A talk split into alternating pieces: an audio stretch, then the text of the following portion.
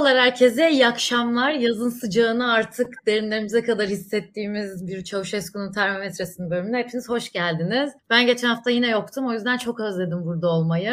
İlkan, Burak Hocam sizlere de merhaba diyorum ama çok özlediğim için ve çok fazla konuşmak istediğim şey olduğu için hemen de giriyorum yayına. İzleyicilerimiz de siz de hoş geldiniz bu arada. Tanıdık yüzleri görmek de bayağı güzel oluyor. O yüzden yorumlarınızı bekliyorum. Bugün sizinle konuşmak istediğim aslında çok fazla şey var. Buradaki en önemli konularımızdan da biri her hafta sonunda tekrar söylediğimiz gibi ekonomik gelişmeler aslında. Ekonomik gelişmeler anlamında çok hareketli bir hafta geçirdik. Çünkü geçtiğimiz haftanın pazar ya da cumartesi günü bir asgari ücret zammı açıklandı. Asgari ücrete %30 net zamla Temmuz ayından efektif olmak üzere bir zam geldi ve 5500 TL oldu. Onun üzerinde bugün de TÜİ'nin açıkladığı enflasyon rakamlarını gördük. Yani TÜİ'nin açıkladığı rakamlar aylık enflasyonu %4.9, yıllık enflasyonun 78.6 olduğu yönündeydi. Ama bir noktada da bunu da sormak istiyorum size. Bunun hakkında da yorumlarınızı bekliyorum. Enflasyon açıklaması tercih edilmeyen sanırım yasaklanan ENA'nın açıkladığı rakamlara göre de yıllık %175,5'luk, aylıkta %8,3'lük bir enflasyonla karşı karşıyayız. Ya bunu Enes Hoca da Twitter'da birazcık anlatmaya çalışmıştı. Bu tablo bize neyi gösteriyor aslında? Biz sonbaharda 3 haneli TÜİ'nin açıkladığı enflasyonlarla çok kötü bir yere koşuyoruz. Her hafta tekrar tekrar bunu konuşuyoruz ama sizin bu konudaki görüşlerinizi de merak ediyorum. Biraz da şeyden anlatabiliriz size de uyarsa. Yani farklı indeksler mesela otobüs bileti indeksi o sektörü de birazcık takip etmeye başladım. İstanbul'dan Adana'ya 450 lira oldu bayram öncesinde. Memlekete gitmek isteyen herkesi inanılmaz masraflar bekliyor. O yüzden de yayınladı. Enflasyon bayramı oldu Hemen bu konu hakkındaki görüşlerinizi de alabilirim. İlkan seninle başlayalım. Bir defa şunu söyleyelim. Türkiye'deki ana sorun şu an enflasyon. İşin kötüsü şu. Ana sorun enflasyon ve hükümet enflasyonla mücadele etmiyor. Türkiye'de şu anda e, halkın algısında uzun süredir ekonomiye dair ana kriter kur olduğu için hükümet kendince kurla mücadele ediyor. Enflasyonla ise mücadele etmiyor. Bizim yaşadığımız şey buydu. Hatırlayalım. Yine bu benzer yayınlarda benzer şeyleri söyledik zaten. Üç haneli rakamlara enflasyon e, güldür güldür gidiyor hükümet bunu bazen ucundan fark ediyor. Bazı konularda yavaş yavaş frene basma emareleri gösterdi hükümet geçen ay. Onu söyleyebilirim. Önlemimsi şeyler aldı ama ben o konularda sürekli olacağını, istikrarlı olacağını inanmıyorum. Çünkü şöyle söyleyeyim. Dünyada enflasyon nasıl nasıl düşürüleceği belli. Ve bu hoş, sevimli bir süreç değil. Bu acı bir süreç. Bu seçime giden bir hükümetin yapmak konusunda zorlanacağı bir süreç bir defa. Şu anki hükümet de gaza basacaktır. Gaza bastığında enflasyon yükselecektir. Bizim için çok şaşırtıcı şeyler değildi. Hatırlıyorsan geçen aylarda Sayın Bakan Nebati bir ayın enflasyonu düşük çıktığı zaman demişti ki bakın trende bakın aylık enflasyonlar inmekte artık şey şu an yine aylık enflasyonların yüksek seviyeler %4,5 şu an açıklandı. Yani aylık neredeyse %5. Aylık %5 demek yıllık %60 zaten enflasyon. Şu anki haliyle bile ki zaten arkadan gelen bir enflasyon yani enflasyon düşük olduğu aylar yaz aylarıdır. Onu da, onu da az çok herkes biliyor. Ve kışın harcamalar artar vesaire. E, tüm bunların bir araya getirdiği şeyi de topladığımız zaman ortada kapanmayan bir açık var. Zamlar artık bir çözüm değil yani. Şu an tartıştığımız şeyin zam olmaması gerekiyor tartıştığımız şeyin bir ekonomi paradigması olması gerekiyordu. Belki bir yıl önce. Artık tartışacağımız şey ne yazık ki hükümet. Şu an artık bu işin e, yani bir ekonomi tartışmasının çok anlamı olduğunu düşünmüyorum. E, ama dediğin şey çok doğru. Şu an önümüz Kurban Bayramı. Muhtemelen sen de açıklayacaksın haftaya yayınımız olmayacak. Herkes ailelerinin yanına gitmeye çalışacak. Bilmiyorum nasıl gidebilecek mi insanlar? Dediğin gibi 450 lira, 500 lira bilet fiyatı. Git gel 1000 lira. Yani insanın bir kişinin minimum mobilizasyonu 1000 lira şu an Türkiye'de. Yani şu an evinizden çıktığınız anda kendi şehrinizin merkezinin dışında bir yere gittiğiniz anda diyelim ki İstanbul'dasın sen ya Şile'ye gidiyorsun. Bin lira.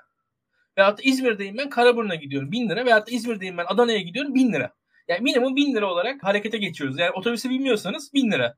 Taksiye biniyorsanız işte 250 lira vesaire. Yani artık otobüse biniyorsanız da 50 lira falan ödüyorsunuz neredeyse. Türkiye'de şunu söylemek lazım. Artık mertebeler çok yükselmiş durumda. İnsanların alım gücü çok düşmüş durumda. Ve bu zaten ulaşım temel bir gider. Ulaşım temel her şeyin temel gideri ulaşım. Her şeyin temel gideri artık benzin, akaryakıt ve bunun üzerinden de diğer ürüne de adım adım aşama aşama zamlar geliyor. Ben kendi adıma zamlardan korunmayı falan bıraktım. Şu anda adım adım fakirleştiğimi görüyorum. Bunun çözümü de yok. Bu böyle devam edecektir. Çok zor günler bizi bekliyor. Arkadaşlarımıza, bizi izleyiciler, izleyen insanlara sabır diliyorum. Bunun artık yani ben ekonomik olarak bir izah yapacak durumda değilim.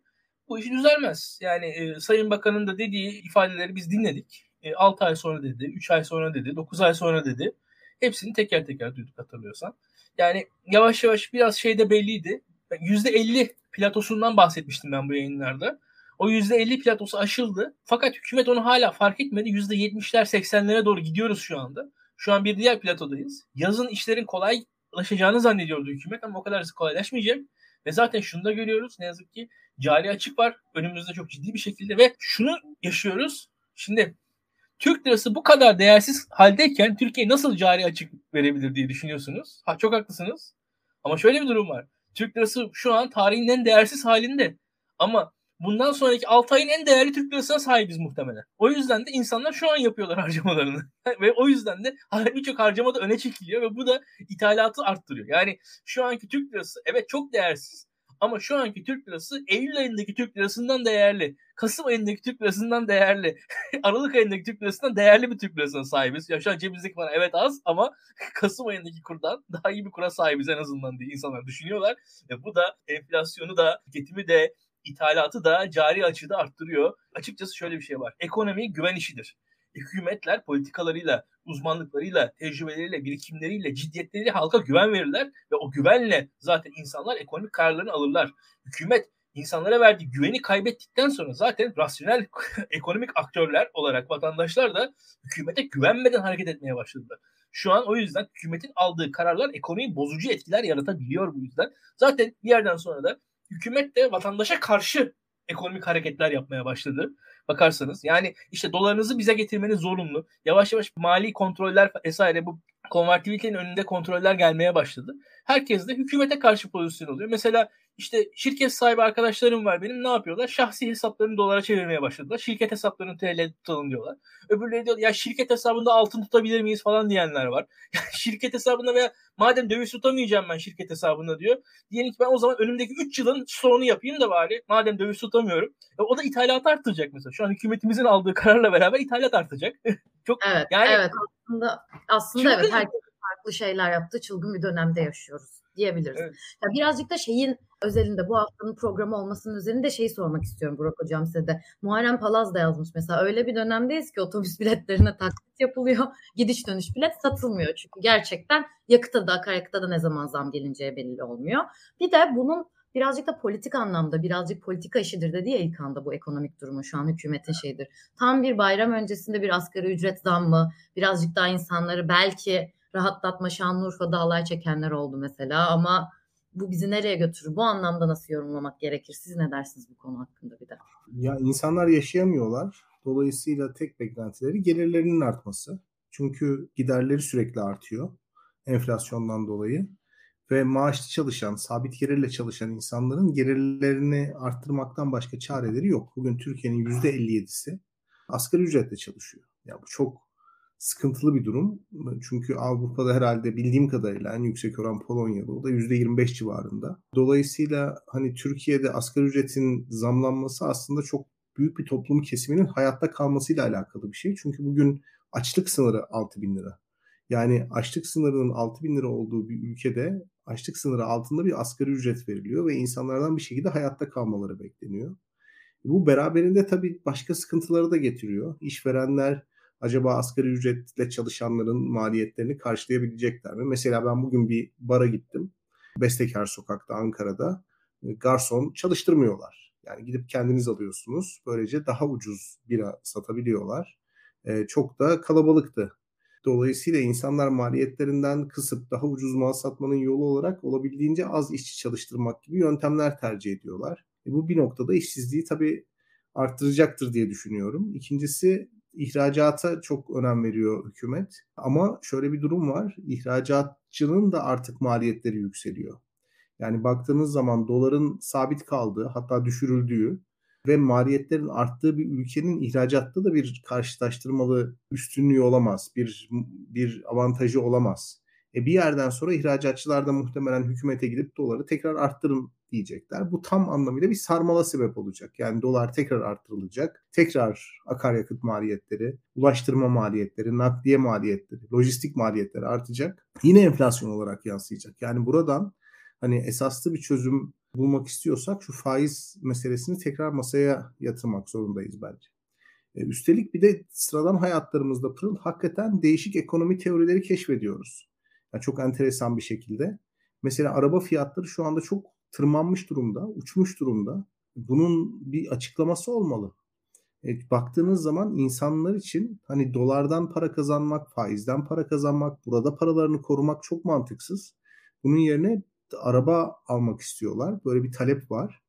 E, ve in, çoğu insanda öngörülemez olduğu için piyasa arabasını kaptırmak istemiyor. Yani çünkü sattığı zaman yerine yeni araba alması için bir zaman geçecek ve o bir haftalık zaman bile fiyatları biraz arttırıyor. Yeni bir araba alamıyor.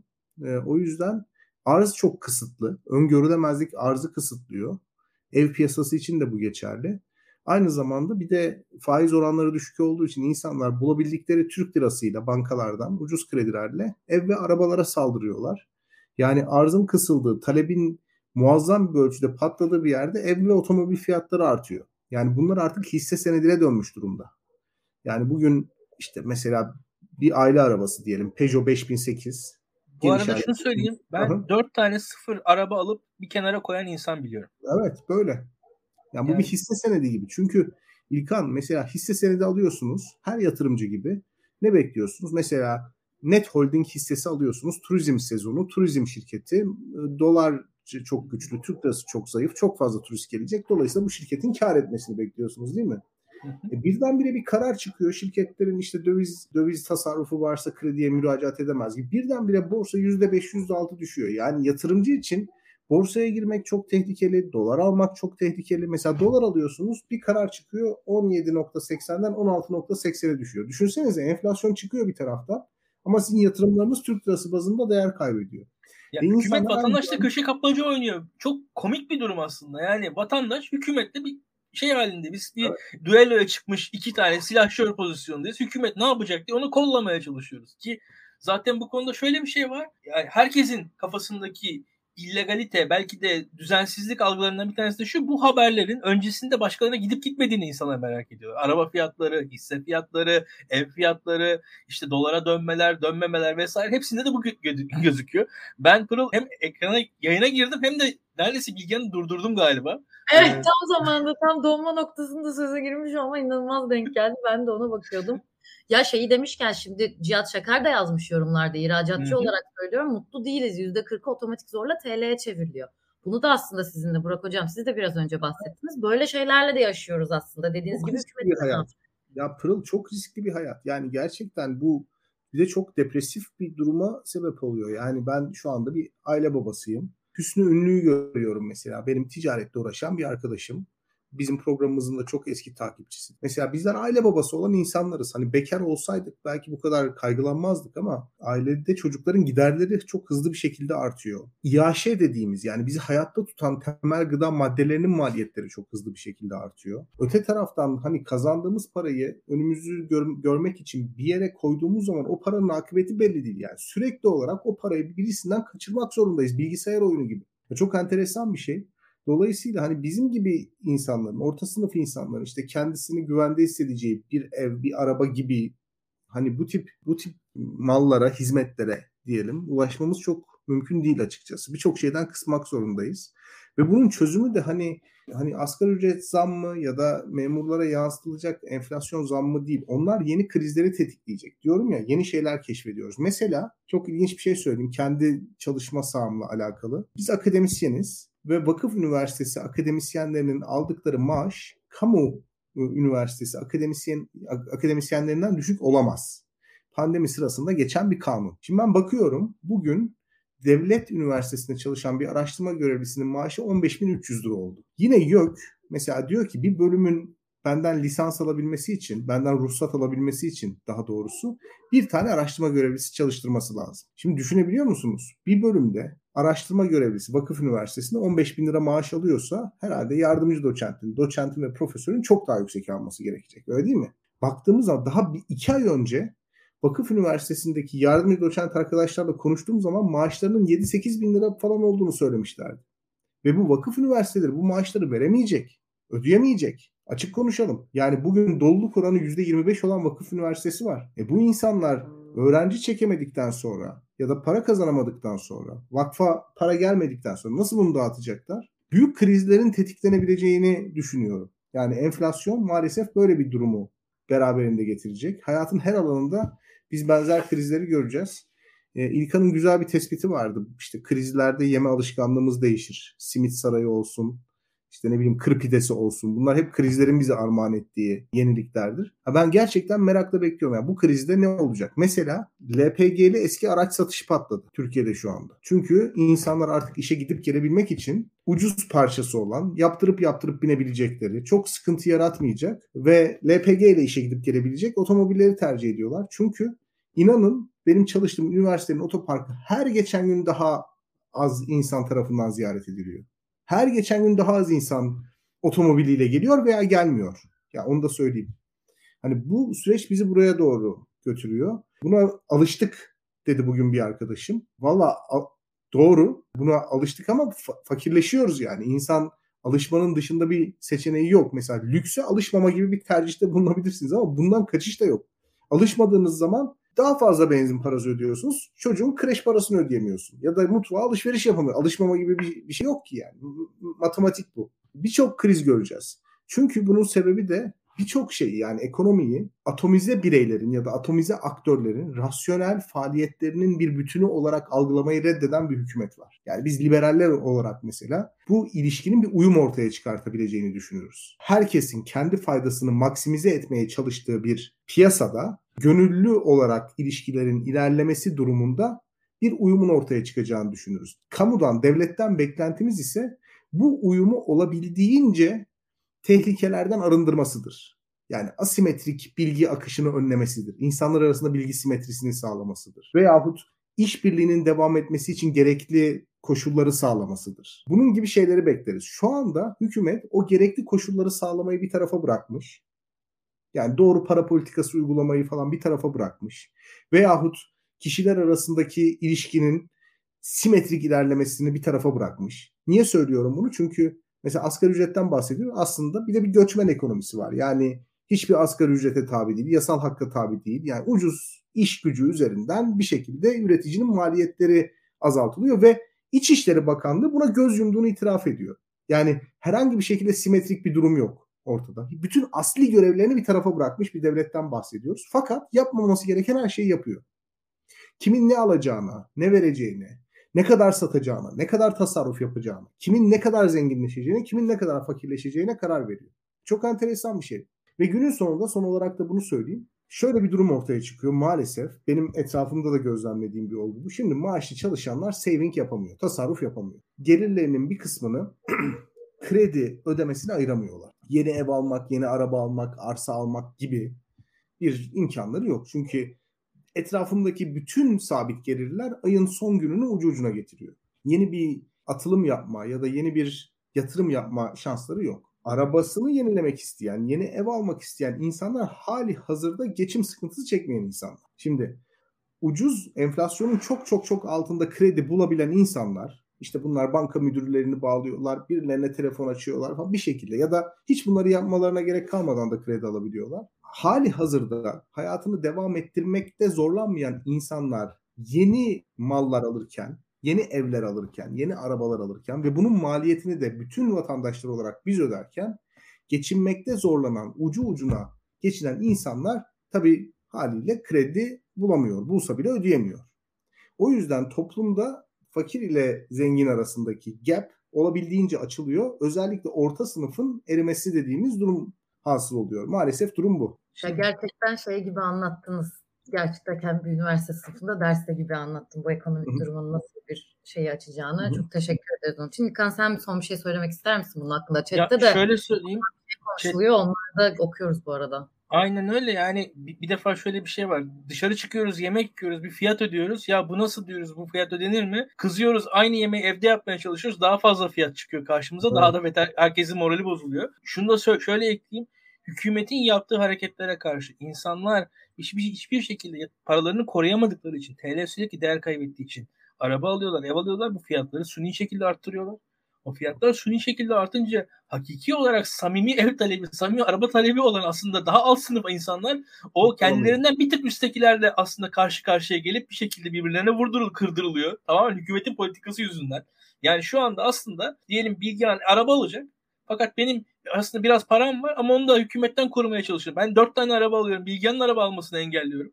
Bilgehan araba yani çok korkunç bir şey. Birbirimize karşı aslında hükümetin politikasından dolayı sa- saçma sapan faiz politikasından da pozisyon almış durumdayız. Yani şu anda o ev alanlar da mesela evlerini istedikleri fiyatlara kiraya veremeyecekler. Ev fiyatları absürt artmış durumda. Ona uygun kiraları ödeyecek insan yok şu an Türkiye'de olmayacak da ne olursa olsun. Ve birçok insan şu an ev sahipleri kiracılar arasında kavgalar çıkmış durumda ve şu an farkındaysanız dükkan kiraları, ev kiraları arasındaki oranlar falan tamamen sapmış durumda. Birazcık da onlara girersek daha da ilginç şeyler çıkar.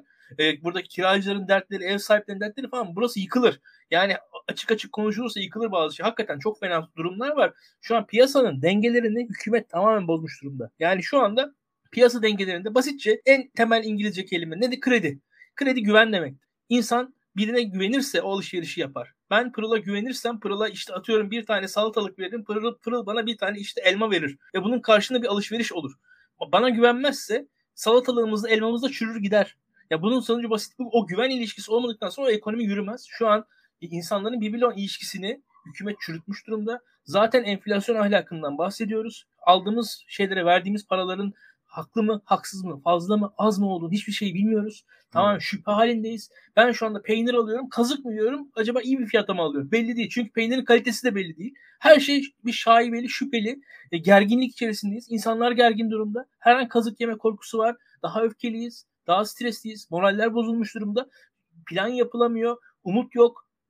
Çok kötü. Yani şu anda ev alma planı olan, çocuk yapma planı olan, evlenme planı olan insanlar erteliyorlar, korkuyorlar, çekiniyorlar. Hakikaten kolay değil. Yani evet şeyden de Can yazmış chatten de sürekli ekonomi konuşuyorsunuz bunlar çok kötü artık içimiz daralıyor diyor ama gerçekten Türkiye gerçeklerinde herkesin mutlaka konuşması gereken şeyin bu olduğunu düşündüğümüz için her yayında bahsediyoruz.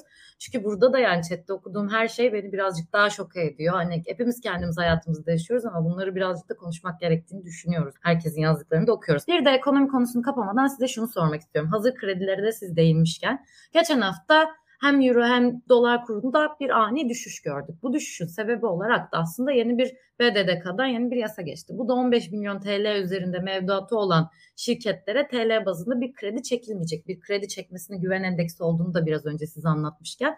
Bu mudur aslında kuru düşüren? Neden bir kurda düşüş gördük? Ya da bu müdahale aslında birazcık serbest piyasaya müdahale gibi. Yani neden 15 milyon TL'si olan bir şirket kredi çekemeyecek bu bir serbest piyasa ekonomisi değil midir? Bunda nereden korkmalıyız? Bu birazcık daha bireyleri etkileyecek bir seviyeye gelir mi birazcık sonra da? Ne düşünüyorsunuz bunun hakkında? Burak Hocam sizinle şey yapabiliriz. Ya orada bence ekonomi yönetiminin vermek istediği bir mesaj var ve bu mesaj çok net. Biraz önce de söyledik. Bu ülkede doların kaç lira olacağını hükümet belirlemek istiyor. Yani bu kadar net. Dolara hükmedemeyen, doların artışından dolayı aciz içerisinde görünen bir hükümet gibi algılanmak istemiyor. Şimdi doları sabit tutmak için de olabildiğince bütün diğer parametreleri bozmaya hazırlar. Doları sabit tutmak için enflasyon artabilir, işsizlik artabilir, doları sabit tutacakken birçok şirket batabilir. Yani bu Adalet ve Kalkınma Partisi hükümetinin meselesi değil. Onlar scoreboard'a bakıyorlar. Yani dolar tabelası Adalet ve Kalkınma Partisi için scoreboard. Çünkü bugün Türkiye'de insanların baktığımız zaman genel itibariyle hani soyut bir düşünce üzerinde politika üretmeleri ya da üretilen bir politikaya tepki vermeleri çoğunluğa nasip olan bir durum değil. Yani şöyle daha net bir şekilde ifade edeyim. İnsanlar hayatlarında somut bir kötüleşme görmeden soyut bir şekilde onları ikna etmeniz genel itibariyle mümkün değil. Yani AKP'ye oy veren geleneksel tabanı biraz böyle. O yüzden ekonomi kötü olacak, işte ekonomik rasyolar bozulacak bir argümanlar pek ikna etmiyor. Fakat insanlar döviz büfelerinin önünden geçiyorlar. Döviz büfelerinin önünden geçtikçe doların, euronun yükselişini görüyorlar. Bu bir zafiyet belirtisi. Bunu istemiyor hükümet. Bu şekilde algılanmak istemiyor ve çok büyük bir korkusu var. İnsanların dolar alması korkusu. Yani insanlar mesela otomobil aldığı zaman bir sorun değil. Onu anlamıyorum. Çünkü otomobil de dolarla alıyorsunuz ama o sorun değil. Ama insanların gidip büfeden dolar alması, print dolar alması, kağıt dolar alması büyük bir mesele. Ya çocuk ağlıyor benim bütün dikkatim dağıldı. Ona gitmem lazım. Benim ya biz İlkan'la konuşuruz bunu. Gelince siz tekrar şey yaparsınız hocam. İlkan sen ne düşünüyorsun bu konu hakkında? Özellikle merak ediyorum. Yani bu şirketlere gelen 15 milyon TL dediğimiz şu an dolara çevirdiğimizde 1 milyon dolar bile etmeyen bir para. Tabii ki. Bu 15 milyon TL mevduatı olan şirketlerin kredi çekmemesi ileride bize de mi gelir? Bu serbest piyasa açısından sen ne düşünürsün? Bir, defa, bir de evet. şey de sana vermeden Türkiye zaten serbest piyasayla yönetim, yönetilmiyor diye bir yorum vardı. Onu da bir bahsetmek isterim Ozan Duman yazdı. Şimdi Pırıl bir defa hükümetin politikalarından dolaylı ya da doğrudan yararlanan sektörler var. Ancak hükümet bu yararlanan sektörlerden verdiğini yani kaşıkla verdiğini kepçeyle alma düşüncesinde. Burada bizim de ihracatçı mesela izleyicimiz varmış. O da farkındadır. Mesela ilk elektrik onlardan kesildi. Açıkçası elektrik krizi yaşadık hatırlarsan. Yani öncelikle e, organize sanayilerden kesildi. Şu an bakıyorsunuz aslında yine üretim üretici kesime bir e, yük bindirildi. Aslında hükümet şöyle düşünüyor. Kur zaten yükselmiş durumda, TL zayıflamış durumda. O yüzden de siz bu bedelleri ödeyeceksiniz diyor oradaki kesime. Temel olarak söylediği şey bu hükümet. Fakat burada şöyle bir durum var ekonominin de bir doğası var. Şimdi bu şirketler mesela şu an bir iş yapıyorlar ve hak edişlerini alıyorlar diye bir para alıyor. Ama o, o parayı da doğal olarak kimi işlerde atıyorum 6 ay sonra harcayacaklar. Fakat şu an şu an hükümet bu 6 aylık aralığın aralıkta o paralarının bu, bu şirketlerin nasıl yön vereceklerine kendisi karar vermeye yani o, o, o iradeyi şirketlerden aldı. Buna karşın şirketler ne yapacak? Şirketlerle oturacaklar. Muhasebecilerle beraber birer strateji geliştirecekler. Nasıl vergiden kaçarızı yıllarda zaten yapıyorlar. Bunun yanında bir de bu şekilde nasıl biz buradan çıkarız? İşte atıyorum kimisi kullanacağı ham maddeleri stoklayacak. Ve bu da ithalatta artışa neden olacak. Çok net bunu görüyorum ben. Yani birçok şirket mesela 15 milyon TL'nin üzerinde dolar mevduatını tutacağı yerde bunun bir vergisini ödemek yerine diyecek ki ben önümüzdeki 3 yılında e, ham maddesini stoklarım. Ve o, o tarz stoklara uzun vadeli stoklayabilen şirketler bu tarz stoklamalara girişecek diye tahmin ediyorum. Bu da ithalatı arttırıcı bir etkide bulunacak. Onun dışında kimi şirketlerde öyle ya da böyle belli bir şirketlerin sahiplerinin kendi payları var. Bu payları alacaklar. O payları şahsi olarak dolara çevirecek. Yani şahsi paralarını bu şirketlerdeki yöneticiler dolarda tutacaklar. Şirketlerin parasını TL tutarak o, o tarz bir e, kendi işlerinde e, sistemi dür, sürdürmeye çalışacaklarını tahmin ediyorum. Bunun dışında şirketler yine yurt dışında şirket açarak bu, bu tarz yaklaşımlardan kurtulup paralarını yurt dışında tutmaya çalışacaklar diye düşünüyorum. Yani e, bir köşe kapmaca oynanacak bence Pırıl. Yani ve şöyle söyleyeyim çok tehlikeli günler geliyor Türkiye'nin önüne. Yani serbest piyasayı biz bu kadar zorladıkça serbest piyasa kendi yollarını bulacaktır. Şirketler kendi yollarını kendileri tasarlayacaklardır. Bunun ardından hükümetimiz tekrar bir başka önlemler paketi düzenleyecek ve tekrar bunları sıkıştıracak diye tahmin ediyorum. Korkarım bunun sonunda sırada bankacılık sektörü olabilir. Yani o tarz ve bankacılık sektörüne gelecek bu tarz kısıtlamalar zaten kısıtlamalarla dolu bankacılık sektörü de yani birazcık daha sert kısıtlamalardan bahsediyorum. Bunun sonunda daha da sıkı, daha da zor bir duruma girebilir Türkiye. İş yapmak o güven işidir diyoruz ya. O güven kayboluyor şu an. O güven kayboldukça o, o riski insanlar niye alsınlar? Yani şu anda her an bir kararıyla beni batırabilecek bir yapı, bir hukuk düzenine karşı karşıyayım ben. O yüzden risk altındayım diye düşünüyorum ben. Ben düşünürdüm. Yani tam da tekrar Burak Hoca'ya şey vermeden önce Murat Yaşar Akar da yazmış ya, sizin bahsınız üzerine. Araba alınması iktidar rahatsız etmiyor. Dolar alınması rahatsız ediyor. Çünkü araba alınca bakın piyasa ne kadar canlı denebiliyor. Hiçbir sıkıntı yok denebiliyor diyerek evet. tekrar size devredebilirim bu konu hakkında diyeceğiniz başka bir şey varsa. Şöyle bir durum ortaya çıkıyor. Bunun altını iyice çizmemiz gerekiyor. Bugün bir buçuk sene önce iyi kötü bir para denkleştirip araba alan ya da ev alan kişi şu an itibariyle bu arabayı sattığı zaman bir asgari ücretlinin 10 sene çalışarak kazanacağı paradan daha fazlasını elde ediyor. Şimdi böyle ekonomi olmaz. Bir buçuk sene önce belli bir miktar paraya sahip olan kişi hiçbir emek sarf etmeden, hiçbir yaratıcılık göstermeden, hiçbir enerji harcamadan tamamıyla hükümetin politikasının sonucunda zenginleşti ve bir para kazandı bunu satarken. Dolayısıyla öbür tarafta o parayı bulamayan ve sadece kendi emeğiyle hayatta kalmak zorunda olan maaşlı çalışanlar var. Bu insanların işte asgari ücretinin 10 sene diyelim, öğretmenin 8 sene, profesörün 5 sene çalışabileceği parayı hiçbir gayret sarf etmeden kazandı. Şimdi burada bir bir sorun olması lazım. Bir sorun tespit etmemiz lazım. Yani karlılık olur ama burada insanların hayatları boyunca neredeyse yani öyle bir noktaya geliyor ki bazı bölgede rant geliri e, ve bu artıştan kaynaklanan gelir bir insanın emekli oluncaya kadar çalışacağı parayı sadece bir alsatla kazanmak mümkün oluyor. Yani bugün Ankara'da mesela birçok bildiğimiz e, siyasetçinin aslında bir yan işi var galericilik gibi. Yani o siyasetçi maaşlarıyla pek yaşamak mümkün değil. Yani insanlar bir galeriye ortaklar, para veriyorlar, paralarını galerici işletiyor. Daha pratik bir bilgi vereyim. Bugün bu ilan sitelerinde yayınlanan herhangi bir arabayı almak da mümkün değil. Yani sivil bir vatandaşın, İlkan'ın söylediği şey çok mantıklı. Sivil bir vatandaşın başka bir sivil vatandaştan araba alabilmesi, ev alabilmesi çok zor. Bu evler, bu otomobiller galeriler tarafından işte bu bir şekilde sermayeyi bulan, başka insanların parasını işletmek için alan kurumlar tarafından, galeriler tarafından veya bazı emlak şirketleri tarafından satın alınıyor, toplanıyor. Yani piyasadaki hareketlilik dediğimiz şey bireyler arası ilişki değil. Spekülatörler arası ilişki. Başka bir şey değil yani. Bunun adını iyi koymak gerekiyor. Burada bir spekülasyon var.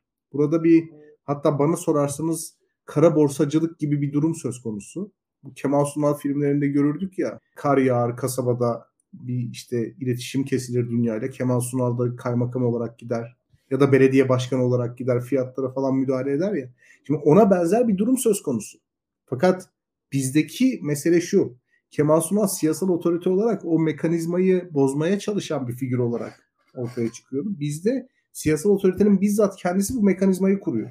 Yani evet gerçekten nasıl bir yere gideceğimizi göreceğiz biz de diyerek bu konuda ekonomide ekleyeceğiz bir şey yoksa öbür bir tartışmalı konu olan gerçekten bir haftadır konuştuğumuz NATO konusunda size şey yapmak istiyorum. İlkan sen yayınlarında konuştun hocam siz de şey yaptınız ama bu yayında hiç konuşmadık bu NATO konusunu. Finlandiya ve İsveç'in NATO üyelikleri çok uzun süredir bir tartışma konusuydu dış politikada ve sonunda bir bildiriyle NATO görüşmelerinde Madrid'de bir anlaşma sağlandı ve NATO üyeliklerini Türkiye onayladı sonuçta bu iki ülkenin. Ve sonrasında Ekonomist gibi gazetelerde de Ekonomist'in de aslında Erdoğan'ın zaferi olarak lanse ettiği bir zafer gibiydi bu. Bunun hakkında genel olarak ne düşünürsünüz? Bu bir zafer midir? O metinden neleri anlamalıyız? Aslında bunun karşılığında o metinde olmayan başka bir şeyler var mıdır? Spekülasyon düşünceleriniz var mıdır?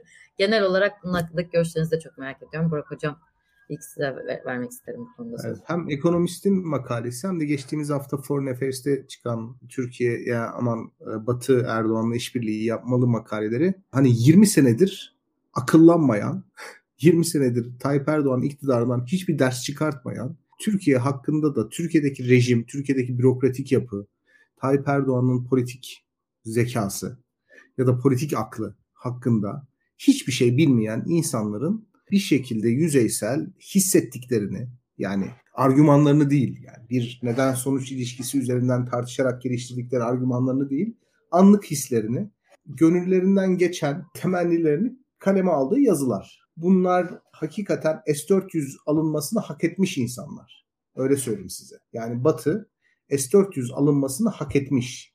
Çünkü ortada herhangi bir denge deneteme mekanizması bırakmayan, ülkenin egemenliğini tamamıyla tek bir kişiye devretmiş. Bu egemenliği de o kişinin ikili ilişkileriyle hızlı bir şekilde ihlal eden, yani devlet kurumsallığını ihlal etmiş bir yönetimden söz ediyoruz. Dolayısıyla son derece tahmin edilemez, nereye savrulacağı belli olmayan ve dönemsel siyasi ihtiyaçlarına göre herhangi bir ülkeyle çok hızlı bir şekilde düşmanlık veya çok hızlı bir şekilde dostluk üretebilen bir yapıdan bahsediyoruz. Şimdi bu arkadaşlar zannediyorlar ki burada bir devlet var ve bu devletin çok ciddi bir ulusal güvenlik programı, ulusal güvenlik ajandası var ve bu ulusal güvenlik ajandasıyla Batı'nın güvenlik endişeleri uyumsuz. Böyle bir şey yok. Böyle bir şey yok. Uyumsuz olan Türkiye Cumhuriyeti'nin oturmuş güvenlik kaygılarıyla Batı'nın geleneksel yaklaşımı değil uyumsuz olan Tayyip Erdoğan'ın iç politikadaki ihtiyaçlarının gerektirdiği adımlar var ve bu gerektirdiği adımların Batı'nın güvenlik kaygılarıyla uyuşabilir veya uyuşmayacak dönemleri olabilir. Baktığınız zaman Arap Baharı başladığında Tayyip Bey'in iç politikadaki ikbal kaygısı Batı'nın güvenlik ihtiyaçlarıyla uyuşuyordu. Fakat aradan 4-5 sene geçti. Beklenen müdahale gelmeyince uyuşmamaya başladı. Veyahut 7 Haziran seçimlerini kaybettikten sonra uyuşmamaya başladı. Yani Türkiye'nin dış politikası 7 Haziran seçimlerinden sonra dramatik bir şekilde döndü ve bu bir tesadüf müydü Allah aşkına? Yani Türkiye PYD ile ortak operasyon yaptı. Yani Şafrat operasyonunu beraber yaptı. Hani baktığınız zaman bugün Türkiye'nin Batı'nın terör örgütü olarak kabul etmesini talep ettiği iki örgütte de hükümetin te- temaslarının olduğu, hükümetin birlikte çalıştığını görüyoruz. Yani FETÖ'yle de, PYD'yle de hatta PKK'yla da bu hükümet resmi muhataplar olarak, meşru muhataplar olarak oturdu. Şimdi Türkiye'de bu tip dönüşleri çok maliyetsiz yapabiliyorsunuz. Abdullah Öcalan'ı masada karşınıza alıp oturup pazarlık yaptığınız zaman Türkiye'deki işte e, idari rejimi Abdullah Öcalan'la tartıştığınız zaman siyasi parti temsilcilerini de postacı olarak kullandığınız zaman kimseye hesap vermeden devam edebiliyorsunuz. Veyahut Salih Müslüm'ü Dışişleri Bakan Yardımcınız, özür diliyorum, Müsteşar Yardımcınız bir protokolle karşılayabiliyor ve bunun hiçbir maliyeti olmayabiliyor. Hemen bir sene sonra çıkıp bunlar terör örgütüdür falan diyebiliyorsunuz. Veya Fethullahçıları bütün Avrupa'daki devlet adamlarıyla bizzat siz gidip tanıştırabiliyorsunuz. Veya onlar sizi tanıştırıyor. Bir şekilde onları önemli postlara atıyorsunuz. Sonra içerideki durum değiştikten sonra bizim üç tane önemli güvenlik kaygımız var diyorsunuz. PKK, PYD ve FETÖ. E şimdi sizin içinizde yaşadığınız dönüş dünyanın aynı şekilde döneceği anlamına gelmiyor maalesef. Ve siz kendi içinizde bunlarla mücadele etmek için kendi hukukunuzu esnetebiliyorsunuz. Olağanüstü hal ilan ediyorsunuz. Daha kararlı bir şekilde, hırslı bir şekilde bu meseleleri çözmek için biraz da hoyrat şekilde önlemler almaya çalışıyorsunuz. Batı kendi hukuk sistemini esnetmek istemiyor. Ya bu kadar bu kadar basit. Dolayısıyla orada çatışan Türkiye'nin ulusal çıkarları değil, Tayyip Bey'in kendi iç politikada ihbalini tehdit eden aktörlerle olan ilişkisi aslında. Tekrar ediyorum. Türkiye PKK ile masaya oturdu. Türkiye PYD ile ortak operasyon yaptı. Türkiye FETÖ meselesinde Batı toplumlarıyla temasında bu grubun elemanlarını kilit insanlar olarak lanse etti. Yani bunu ben yapmadım. Bu benim marifetim değil. Yani bunun faili ben değilim. Bunun faili hükümet.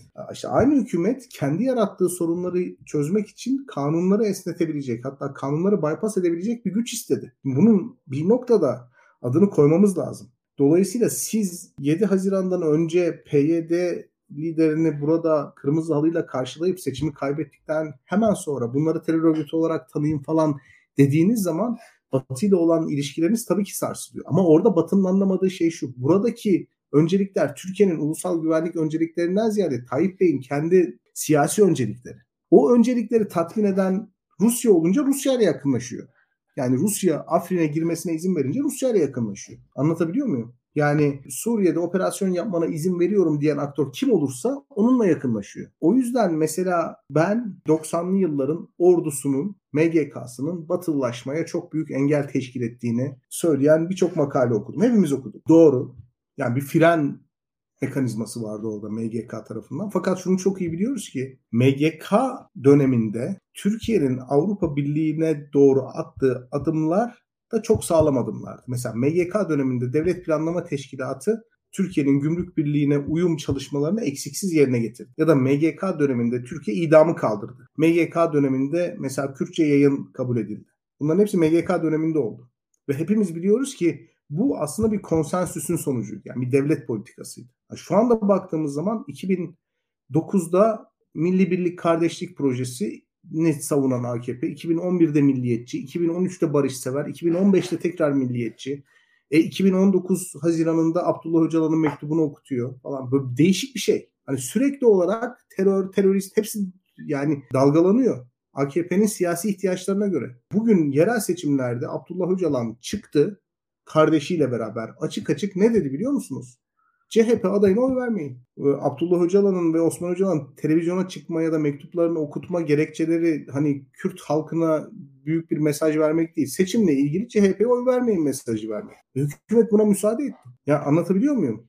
Dolayısıyla Batılılar zannediyorlar ki burada Türkiye'nin böyle güçlü ulusal güvenlik kaygıları var. Biz de onları anlamalıyız. Dolayısıyla eğer bunları anlarsak Türkiye tekrar bizimle yakınlaşacak. Hayır. Bunları anlayıp anlamamanız hiç önemli değil. Yani yakınlaşıp yakınlaşmamanız da önemli değil. Sizin anlamanız gereken Türkiye'nin güvenlik kaygıları değil. Tayyip Bey'in siyasi kaygıları. Dolayısıyla Türkiye'de Türkiye ile bir dış aktörün yakınlaşma yolu şu mevcut konjonktürde Tayyip Erdoğan'a iktidarı bahşetmektir. Başka bir şey değildir yani. Bunu bahşettiği zaman mesela işte batılı ülkeler kendi aralarında bir fon kurup Türkiye'nin terörle mücadelesine yardım fonu 100 milyar dolar para veriyoruz karşılıksız hibe falan dese Türkiye'de Avrasyacı, ulusalcı falan kalmaz.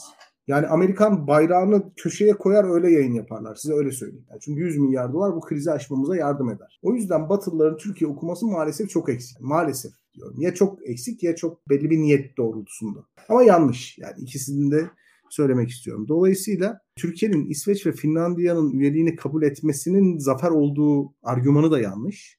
Türkiye'nin Batı'nın yanına çekildiği takdirde Rusya'ya karşı sert bir tavır alacağı ve Batı güvenlik mimarisi için çok önemli bir ülke olacağı iddiası da yanlış. Ya çok net bir şekilde bu kararlar, dış politikadaki adımlar şeyden de yazmış Murat Bey yine bu Cemal Kaşıkçı cinayetinin belgelerinin geçtiğimiz daha verilmesi falan. Bunlar hepsi hiçbiri evet. ulusal güvenlik değil aslında. Erdoğan'ın kendi milli çıkarları ya da kendi siyasi evet. çıkarları adına yapılmış şeyler. Bunu da çok net ifade ettiniz zaten. İlkan sen bu güzel konuşma üstünde ne eklemek istersin diye. O kadar çok konu var ki bir defa Bilgehan genel olarak koyduğu akademik çerçeveye çok itirazım yok. Onu söyleyeyim. Arkasından şunu ekleyeyim. Birincisi ben sıradan bir vatandaşım. Ben İlkan Dalkıç olarak yorum yapacağım. Hükümetin bu dış politik hamleleri benim hayatımı güzelleştirmiyor. Yani hükümet şu anda İsveç'te senin benim hayatımızı iyileştirecek bir pazarlık yapmıyor.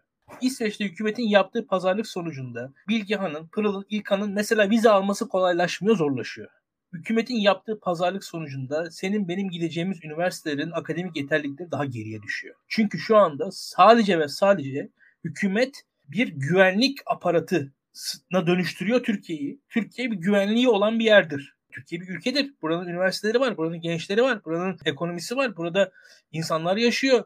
İnsanlar doğuyorlar, ölüyorlar, aşık oluyorlar, bir hayat yaşıyorlar. Yani bir defa bunun karşılığında biz sadece bir güvenlik kaygısı olan bir varlıktan bahsediyoruz. Diyelim Türkiye NATO üyeliğine onay vermesi karşılığında İsveç ve Finlandiya'dan bir şeyler alacak. Ya biz İsveç'ten, Finlandiya'dan güvenlik dışında, terörist falan dışında alacak hiçbir şey bulamıyor muyuz? İlk önceliğimiz bu mudur?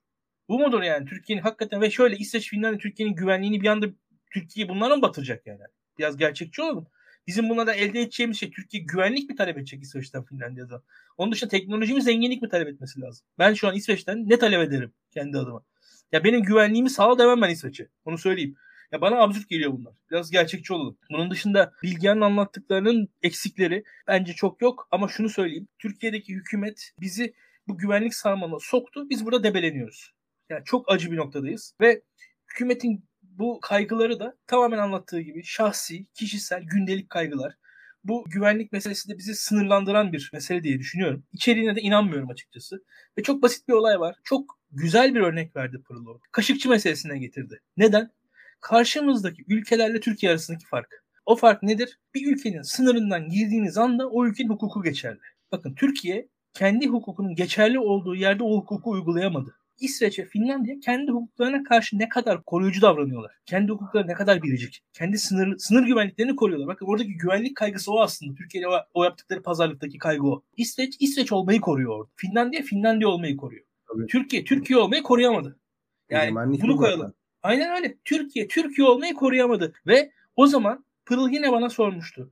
Kaşıkçı meselesindeki Türkiye hakkındaki pozisyonu sormuştu. Ben şunu sormuş söylemiştim o zamanlarda. Ya Suudi Arabistan bir koca devlet. Kaşıkçıyı öldürme imkanlarına bir devlet sahiptir. Bir devlet bir kişiyi öldürebilir. Neden Türkiye'de öldürmeyi seçti? İngiltere'de değil, Fransa'da değil, İsviçre'de değil, Amerika'da değil. Neden Türkiye'yi seçti bu, bu insanlar? Niye Türkiye'yi seçtiler? Neden? Bu utanç vericidir. Kaşıkçıyı öldürmek için Suudi Arabistan dünyadaki ülkeler arasında Kaşıkçının gittiği, girdiği, çıktığı yerler arasında dedi ki hukukunu kendime uydurabileceğim yer Türkiye'dir. Yani dedi ki ben İngiltere'nin hukukunu kendi Suudi hukukuna uyduramam. Amerika'nınkini uyduramam. İsviçre'ninkini uyduramam. Bu adamın gezdiği yerler buralar. Türkiye'nin uydururum dedi. Yani Türkiye hangisinden olmak istiyor? Bakın güvenlik meselesi budur. Güvenlik kendi hukukunuzun olmasıdır. Bu, bu, bu kadar basit. Amacı yani amacı odur. Amacı evet, odur. Evet, evet, yani evet, güvenlik yani, kavramının amacı kendi hukukunu tatbik edebilmektir. Evet. Bizde şu anda şöyle bir şey var. Çok vatanını sevenler Türkiye'de hukuku kaldırarak vatanın daha çok sevdiklerini söylüyorlar bize. Efendim polis gelsin ensesine sıksın öbürü mancınıkla atsın hukuk kalmasın Tabii. falan. Bu, bu ne? Bu devlet değil bu. Bu anlattıkları şey. Tabii. Bir grup sokak serserisi.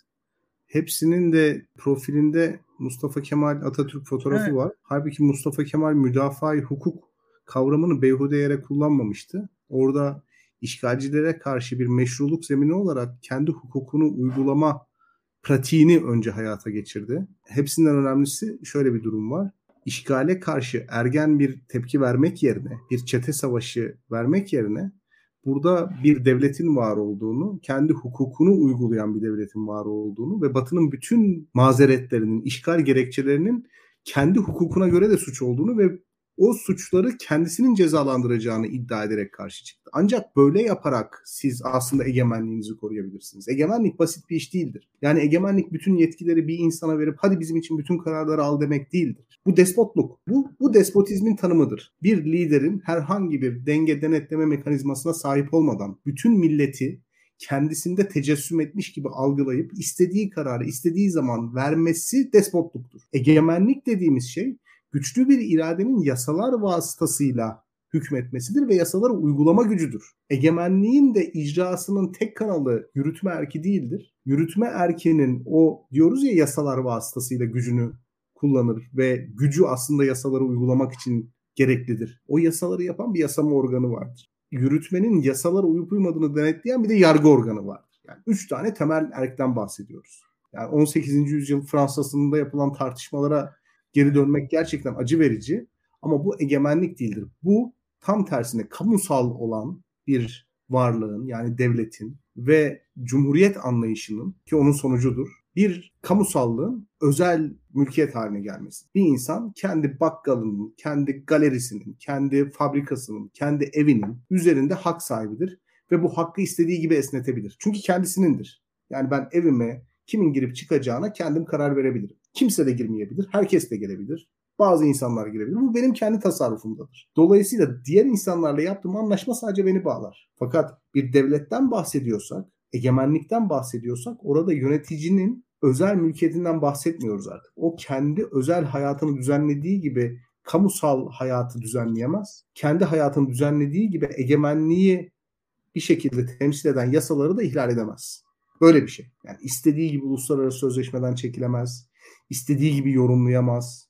Böyledir. Yani onun çerçevesi yasalar ve kanunlarla çizilir ki bu hukuktur zaten. Yani hukuk devleti tabiri biraz beyhude bir tabir. Devlet dediğimiz şey zaten hukuku ihtiva etmesi gerekiyor. O yüzden Adalet ve Kalkınma Partisi'nin en temel sorunu İlkan'ın da dediği gibi Brunson krizinde de bunu gördük. Deniz Yücel meselesinde de bunu gördük. Kaşıkçı davasında da bunu gördük. Yargı erkine, yürütme erkinin müdahale etmesi, yani yargı bağımsızlığını yürütme erkinin ihlal etmesi diğer ülkelere gönderilen bir mesaj oluyor. Yani burada yürütme erkiyle anlaştığınız zaman buradaki adamlarla anlaştığınız zaman Türk yargısından her kararı çıkartabilirsiniz. Mesajı oluyor. İnsanlar zannediyorlar ki biz liberaller olarak hukukun üstünlüğünü, demokrasiyi, işte insanların kanun önünde eşit olması prensibini, hukuki prosedürlerin şekli olarak dahi olsa itibarının korunması gerekliliğini çok fantastik insanlar için savunuyoruz. Hayır. Ben Türkiye'nin milli güvenliğinin hukuk bağımsızlığından geçtiğini düşünüyorum. Bugün iktidarın hukuka müdahale etmesini isteyen herkes Türkiye'nin milli güvenliğine tehdit oluşturur. Tehdit oluşturur. Çünkü bu insanların kafasında asla ve kata insani bir zafiyet göstermeyen bir yürütme ideali vardır ki bu mümkün değildir.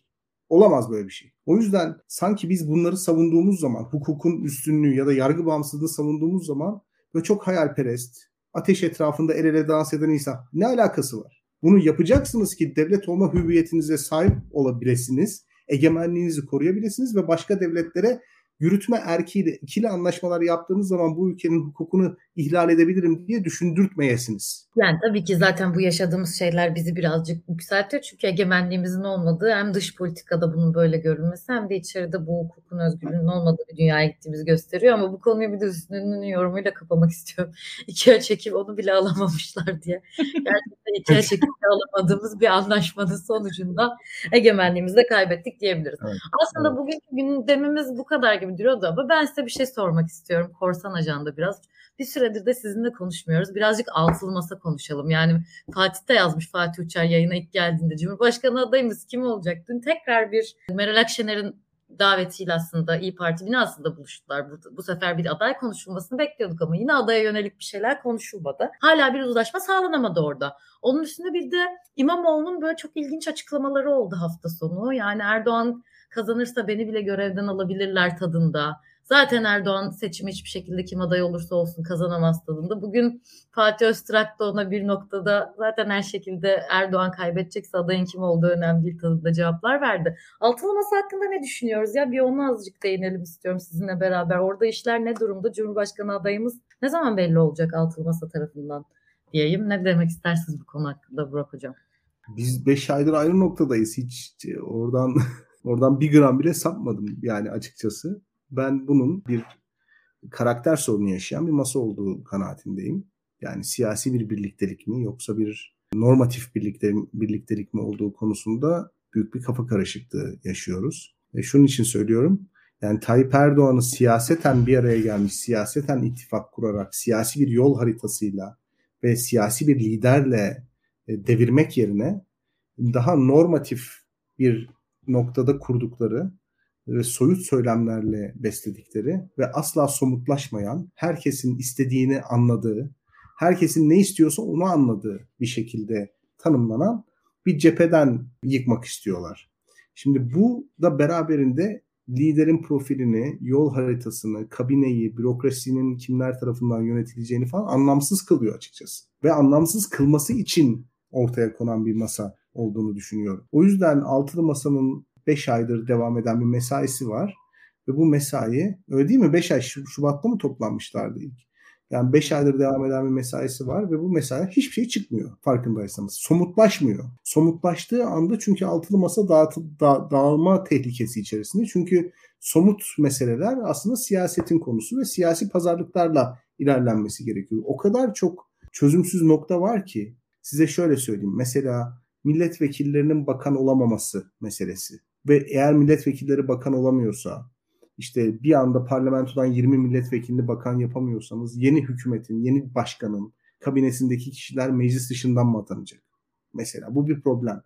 Ya da hangi partiden kaç kişi atanacak bu bir problem. Ekonomi yönetimi kimin tarafından idare edilecek bu bir problem. Onu geçtim seçimlerden sonra AK Parti meclisteki çoğunluğu kazanırsa hemen parlamenter sisteme geçilecek mi bu bir problem. Yani seçimi kazanmanın ötesinde hani hep tartışmayı oraya odaklıyoruz ve çok kitabın ortasından konuşalım. Kılıçdaroğlu kazanamaz, İmamoğlu kazanır. Kılıçdaroğlu karizmatik değil, İmamoğlu karizmatik gibi bir şey var. Böyle bir buraya sıkıştırıyoruz ama bu değil yani. Bunun ötesinde bizi bekleyen çok karmaşık bir gelecek var ve buna dair altılı masa hiçbir şey söylemiyor. Adını koyalım bunun. Hiçbir şey söylemedikçe de o demokratik, daha kurumsal, daha merkezde örgütlenen muhalefet bence güç kaybediyor. Bu kadar çok marjinal sesin burayı taciz etmesinin sebebi de bu. Yani bugün muhalefetin yanlış insanlar tarafından temsil edildiğini, yanlış söylem tarafından kurulduğunu düşünen bir marjinal grup var. Ve bu insanlar gerçek muhaliflerin kendileri olduğunu düşünüyorlar ve eğer böyle devam ederse bunlar çok fazla kendilerine oy çekebilirler. Bunun adını koymak lazım. O yüzden tekrar siyasete dönmek gerekiyor. Yani böyle peygamberler katında sevap günah tartışır gibi siyaset tartışılmaz. Tamam bir arada olma iradenizi anlıyoruz. Bir arada olun. İlginç bir şekilde şu da var Pırıl. Hiç kimse de masadan kalkamaz. Bunu da hepimiz biliyoruz. Yani masadan kalkan tarafın kaybedeceğini de hepimiz biliyoruz. Ama masada oturmaya devam etme adına da masada oturulmaz yani. Oturulan insanların bir şey konuşması gerekiyor. Dolayısıyla liderlerin kafasında kimin başkan adayı olacağı sorusu var. Fakat masaya oturdukları zaman bu soru konuşulmuyor. Çünkü masa hani kuruluş ruhu itibariyle tam da bu konular konuşulmasın diye kurulmuş bu masa baktığınız zaman. O yüzden altılı masayı ben problem olarak görmüyorum. Bakın yani altılı masa muhalefeti mahveden bir şeydir demiyorum ama altılı masa muhalefete bir yol, bir harita çizemiyor maalesef. Yani evet tabii ki adaydan bağımsız olarak kurulmuştu ama en azından kuruluş amacı bu altılı masanın parlamenter sisteme geçiş önerisiydi. Ama onunla alakalı da somut bir şey duyamadık ilk bir ilk taslakta bir şeyler duyduk ama şu anda 5 sene içinde mi geçmeyi düşünüyor bu altılı masa? Ne yapmayı düşünüyor? O parlamenter sisteme geçene kadar 40 tane bakanlık mı oluşturulacak? Bu 40 bakanlık nasıl bölünecek? Her şeyi geçtim. Bunun hakkında da somut bir şey duymadığımız bir masadayız. O yüzden kafamız karışık. Chatte de yazıyorlar. Umarım bir an önce kafamızı toplayabiliriz diyeyim. İlkan bu konuyu sen de çok seversin. Senin yorumlarına beraber kazanalım. Ne yapacak bu altılı masa? Ne yapıyor bize? Şimdi birincisi e, altılı masanın bir algı sorunu var. O algı sorunu yurt içinde ve yurt dışında devam ediyor. Bilgehan'ın bahsettiği şeylerden benim daha önce değinmediğim tek alan vardı. O da şu. Şu an yurt dışında Tayyip Erdoğan kazanır algısı kuvvetli. Bu saçma sapan bir algı ama hakikaten yani diplomatlar falan ona inanıyorlar. Yani çünkü diyorlar biz 20 yıldır Tayyip Erdoğan'la şeyiz muhatap oluyoruz ve bir şekilde Tayyip Erdoğan kazanıyor ve şu e, açıkçası bizim gördüğümüz, ahlaksızca bulduğumuz, hukuken, insani olarak, yapısal olarak beğenmediğimiz anlaşmalar yurt dışında yurt dışında bu hükümet bu kadar yapabiliyorsa öyle ya da böyle seçimi kazanabileceğine inandığı inandığı için karşı taraf yapılıyor bu anlaşmalar bir yandan da. Yani hani bir de o tarafı var o işin. Şu var altılı masa daha kuvvetli dursaydı mesela yani Tayyip Erdoğan'ın yurt dışındaki itibarı da bu konularda şey olur. Daha sallantıda olurdu en azından. Öyle söyleyebilirim. Yani bu kadar bu anlaşmalar bu kadar rahat yapılamazdı diye tahmin ediyorum. Onu söyleyeyim. Ve hani bazı Türkiye'nin hukukunu içe sayan anlaşmalar nasıl yapıldığı biz söylüyoruz ya. Yani muhalefetin geleceğinden o kadar emin olsaydı bu e, yabancı ülkeler Tayyip Erdoğan Türkiye hukukunu, Türkiye'nin hukukunu içe sayan anlaşmaları bu kadar rahat yapamazlardı. Bir defa onu koyalım. Yani bir işin öyle bir kötü tarafı var. Yani bu dürüstçe bunu söylemek gerekiyor. Fakat bu algının ötesinde de şöyle bir durum var. Ben Adalet ve Kalkınma Partisi'nin oylarının paldır küldür düştüğü kanaatindeyim açıkçası. Zaten evet. bu yüzden de daha öncesinde yani Kemal Kılıçdaroğlu'nun adaylığının rasyoneli artıyor. Yani açıkçası. O arttıkça da yeni bir gerçeklik ortaya çıkıyor. E, Ekrem İmamoğlu'nun kendi adaylığını anlatmaya çalıştığı alanlarda da ister istemez de şu an 6 ay öncesine göre mesela İmamoğlu kendisini daha başka alanlarda toparladı. İşte o gezi mezi vesaire o şeylerin sıkıntıları aştı şu anda. Ama bir anda oy oranı konuşarak konusunda bu sefer cevap aldı. İlk defa Cumhuriyet Halk Partisi'nin genel merkezinde öyle söyleyeyim yani şu anda. Çünkü ilk defa oy oranı konusunda CHP de kendine güvenmeye başladı. Yani şu anda biraz o oy oranları enteresan noktaya doğru gidiyor. Biz e, daha önce de söyledim anket savaşları görecek, göreceğiz demiştim. Çok ağır göreceğiz. Daha da e, yeni yeni anket firmaları çıkacak ortaya. Yeni yeni anket tartışmaları çıkacak. Biz muhtemelen Bayram sonrasında burada Bilgehan sen ben anketler tartışacağız. Sen bir anket destekleyeceksin ben öbür anket doğrudur diyeceğim belki de. Yani burası enteresan bir noktaya doğru gidiyoruz o konuda. Aday açıklanmasından önce peş peşe anketler gelecek. Kamuoyunda hangisi taraf hakim olacak? Ve belki kimi anketçilere dair biraz başka tartışmalar falan da olur diye tahmin ediyorum. Ne yazık ki işin öyle taraflarını ben bekliyorum. Biraz iş anketlere kalacak. Ee, sonuçta şunu da biliyoruz. Kılıçdaroğlu'nun belediye başkan adaylarını nasıl seçtiğini. Bazı işler iyi yapıldı, bazı işler kötü yapıldı. İyi Parti ile ya bu işin aslında en özünde İyi Parti Cumhuriyet Halk Partisi arasındaki dengedir. Diğer partiler öyle tabii, ya da böyle o, o dengeyi kabullenmek zorunda kalacak. Tabii, yani tabii. eğri oturalım doğru konuşalım. Yani ve burada da bazı işler iyi yapıldı yerel seçimde. Yerel seçim örneği var önümüzde. Bazı işler kötü yapıldı. İyi yapılan işleri beraberce biliyoruz. Kötü yapılan işleri de biz hatırlattık geçen yayında hatırlarsan. Ne dedik? Mesela Mersin'in ilçelerinde hatalar yapıldı. Muğla'nın ilçelerinde hatalar yapıldı. Atıyorum Niğde alınabilirdi alınamadı. Öyle iller var böyle. Biraz seçim heveslilerinin bildiği yerler var. Ona göre doğrular yanlışlar karar verecekler. A- açık konuşalım. Bakın il il hesap etmek gerekebilir. O illerdeki adaylara kadar e, çalışılması gerekir. Yani açıkçası Cumhuriyet Halk Partisi'nin bir ilde yapacağı kampanya ile İyi Parti'nin o ilde yapacağı kampanya arasında senkronizasyon gerekir. Yani farkında değiliz bazı şeylerin. Çok ağır bir mücadele var şu anda Türkiye'nin siyasetinde. Hı. Yani bu iş kolay değil. Hangi ilde kim aday olacak, kim nasıl önde çıkacak, kim arkada çıkacak, nasıl kampanya yapacak, kim miting yapacak bunlar inanılmaz önemli şu anda. Yani yerel seçimlerde olduğu kadar hassas cerrahi bir seçim kampanyası gerekiyor karşımızda. Ve Tabii. seçmenlerin de bu seçim kampanyalarına göre mobilize edilmesi gerekiyor. Mesela bakın. Ya şunu da söylemekte fayda var. Şurada asla vekil çıkartamayacağı iller var. Cumhuriyet Halk Partisi asla vekil çıkartamayacağı iller var. Şimdi bu illerin hangileri olduğunu iyi kötü herkes biliyor. Fakat bunlara dair bir bir oturulması anlaşılması gerekir mesela. Bu, sırf bu bile 17 milletvekilinden bahsediyorum yani. Bu, bu, bu dediğim evet. konu bile mesela bu bunun için insanların oturup yan yana gelmeleri gerekiyor. Ya bunu Kolay bile söylememizin bir önemini şey yapmak istiyorum o yüzden seni bölmek için değil. Seçime bir seneden az vakit kaldı yani. Neden bunları İlkan şu anda anlatıyor? Bunların neden konuşulması gerekiyor? Çünkü normal şartlar altında Haziran'da bir seçime gitmemiz ya, gerekiyor. Biliyorsun biz ben biraz bu işin pis taraflarının meraklısıyım. Yani bu konular böyle her, herkes ilkeler milkeler konuşuyor da vekil seçilecek yani o seçim bölgesi diye bir şey var. Orada oy oranı diye bir şey var yani.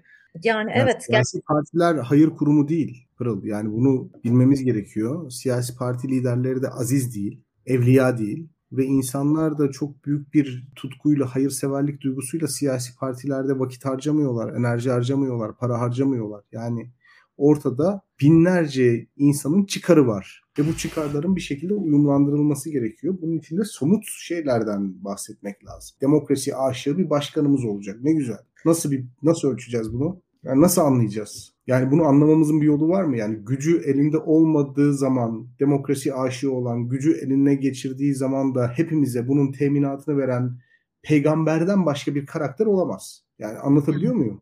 Yani bunu nasıl anlayacağız? Nasıl emin olacağız? Bu, bu, bu, bu nasıl bir şeydir ya? Nasıl bir tanımlamadır? Hakikaten. Ya o yüzden İlkan'ın söylediği çok önemli. Yani illerdeki teşkilatlar var. Bu insanlar kira ödüyorlar. İnsanlar siyasi partilere vakit harcıyorlar. İnsanlar siyasi partilere kredi veriyorlar. itibarlarını ortaya koyuyorlar. Yani şimdi doğru insanlarla yan yana düşmek isterler. Kazanmak isterler hepsinden önce. Ve bu şekilde ilerlemek isterler. Alabileceklerinin maksimumunu almak isterler. Ve şöyle de bir şey var son olarak şunu söyleyeyim. Milli irade diye de bir şey var. Toplumun bir iradesi var. Şimdi siz baktığınız zaman bu iradeyi siyasi partilerin oy oranında görüyorsunuz. Mesela toplumun CHP'ye gösterdiği bir teveccüh var. İyi Parti'ye de gösterdiği bir teveccüh var. Bir de işte diğer partilerin yapamadıkları çıkışlar var. Şimdi bana çok kızıyorlar. Devacılar, gelecekçiler, arkadaşlar. Ya bana kızmasınlar. Yani benim yüzümden bu, bu durum ortaya çıkmıyor. Ama neticede mesela 6 partinin onayıyla bürokratlar atanacak diye Ali Babacan'ın bir açıklaması vardı. Ya böyle bir şey olabilir mi? Yani bu ne demokrasinin bir icabıdır ne de akla mantığa uyar. Yani burada e, toplumun iradesinin %40'ını 45'ini te- temsil eden başka partiler var ve siz %2-3 oyla bu iradeye ortak olabileceğinizi düşünüyor musunuz? Yani bu siyasetin gerçekliğiyle sizce uyumlu mu? Ya bence daha hani ayakları yere basan, somut meseleler üzerinde konuşulan bir e, atmosfer yaratılmalı. Artık liderler ellerini kirletmeliler. Yani artık bunu dediğim gibi hep yayınlarımızda söylüyoruz artık birileri bir şey yapmalı ama bir seneden az kalmış bir seçim var. Hatta şu an bir şeylere başlamaları bile geç kalınmış olabilir. O yüzden herkesten bir şey bekleniyor. Çünkü AK Parti cephesinde gerçekten bir şeylere başlandığını bir noktada da görüyoruz. Bunu geçen yayınlarda konuşmuştuk. Bu arada İlkan senin bir sözünle haftaya haftaya yayınımız yok bu arada bayram için. İlkan şeyde duyurmuştu haftaya bayram. Teşekkür ederim ee, İlkan. Gideceğimiz Teşekkür için. ederiz. Yayın koordinatörümüz bunu evet. yayında söyledi. Yüzümüzü güldürdü. yayın yapmıyor olacağız ama ondan sonraki hafta da sizinle şunu konuşmak isterim. Buradan da birazcık fragmanını vermiş olalım. Metropol'ün yayınladığı bir anket var. Atılmasa'nın adayıyla alakalı. Bir de Konda'nın yayınladığı anket var. Birinde Kılıçdaroğlu kazanıyor Metropol'ünkinde. Konda'nınkinde hala kazanamıyor seçim hiçbir şekilde gibi. Bunları konuşalım. Seçim şey dönüşünde, bayram dönüşünde hepimize güzel konular olur. O yüzden bugün burada tamamlayalım. Birazcık kapatalım istiyorum. Son eklemek istediğiniz bir şeyler yoksa. Çok ben bir şey eklemek istiyorum. Faik, Beraber yayın çok güzel oldu. Hı hı. Tabii. İlkan, ben böyle niyeyse konuşmak istedim. Faik Öztürk'ün açıklamalarıyla ilgili son bir şey söyleyeyim. Onu da bayramdan sonra konuşabiliriz. Yani hali hazırda zaten seçimi kazandığımız için diyor Ekrem Bey'in korkmasına gerek yok. Çünkü Ekrem İmamoğlu bugün bir açıklama yaptı. Dedi ki işte tekrar seçilirse beni görevden alacak. Şimdi hali hazırda seçimi kazanacağımız için gibi bir önermeyle ortaya çıkmak bir adayın profili önemsizdir demek gibi bir şey. O ayrı yani Ekrem Bey gibi karizmatik bir adaya ihtiyacımız yok. Onu söylemek istiyor. Fakat şu var. Bu çift kutuplu sistemlerde bir tarafın kazanacağı belli olursa eğer yani kim olursa olsun bir taraf kazanırsa gibi bir anlayış hakim olursa Adalet ve Kalkınma Partisi'nin zayıflaması, küçülmesi veya işte bir tehdit olmaktan çıkması muhalif ittifakı da zayıflatır. Yani bu siyasetin böyle bir doğası var. Yani artık tehdit olmayan bir aktöre karşı niçin bir araya gelip onu dengelemeye çalışsın ki diğer partiler? Dolayısıyla bence Tayyip Bey'in bir korku unsuru olarak kalması aslında çok da fena bir şey değil muhaliflerin bir arada durması için. Yani bu işi ciddiye almaları açısından çok önemli. Ciddiye alıp doğru adımları atmaları gerekiyor. Bu Öztürk çünkü şeye başlarken de söyledim bu açıklamalar beni oldukça şaşırtmıştı CHP içindeki bu kavganın bu kadar şey olmuş olması. Ama bayram dönüşü tekrar konuşalım bunu. O yüzden şimdiden herkese iyi bayramlar dileyelim ve iyi akşamlar dileyerek kapatalım bu yayını istiyorum. Thank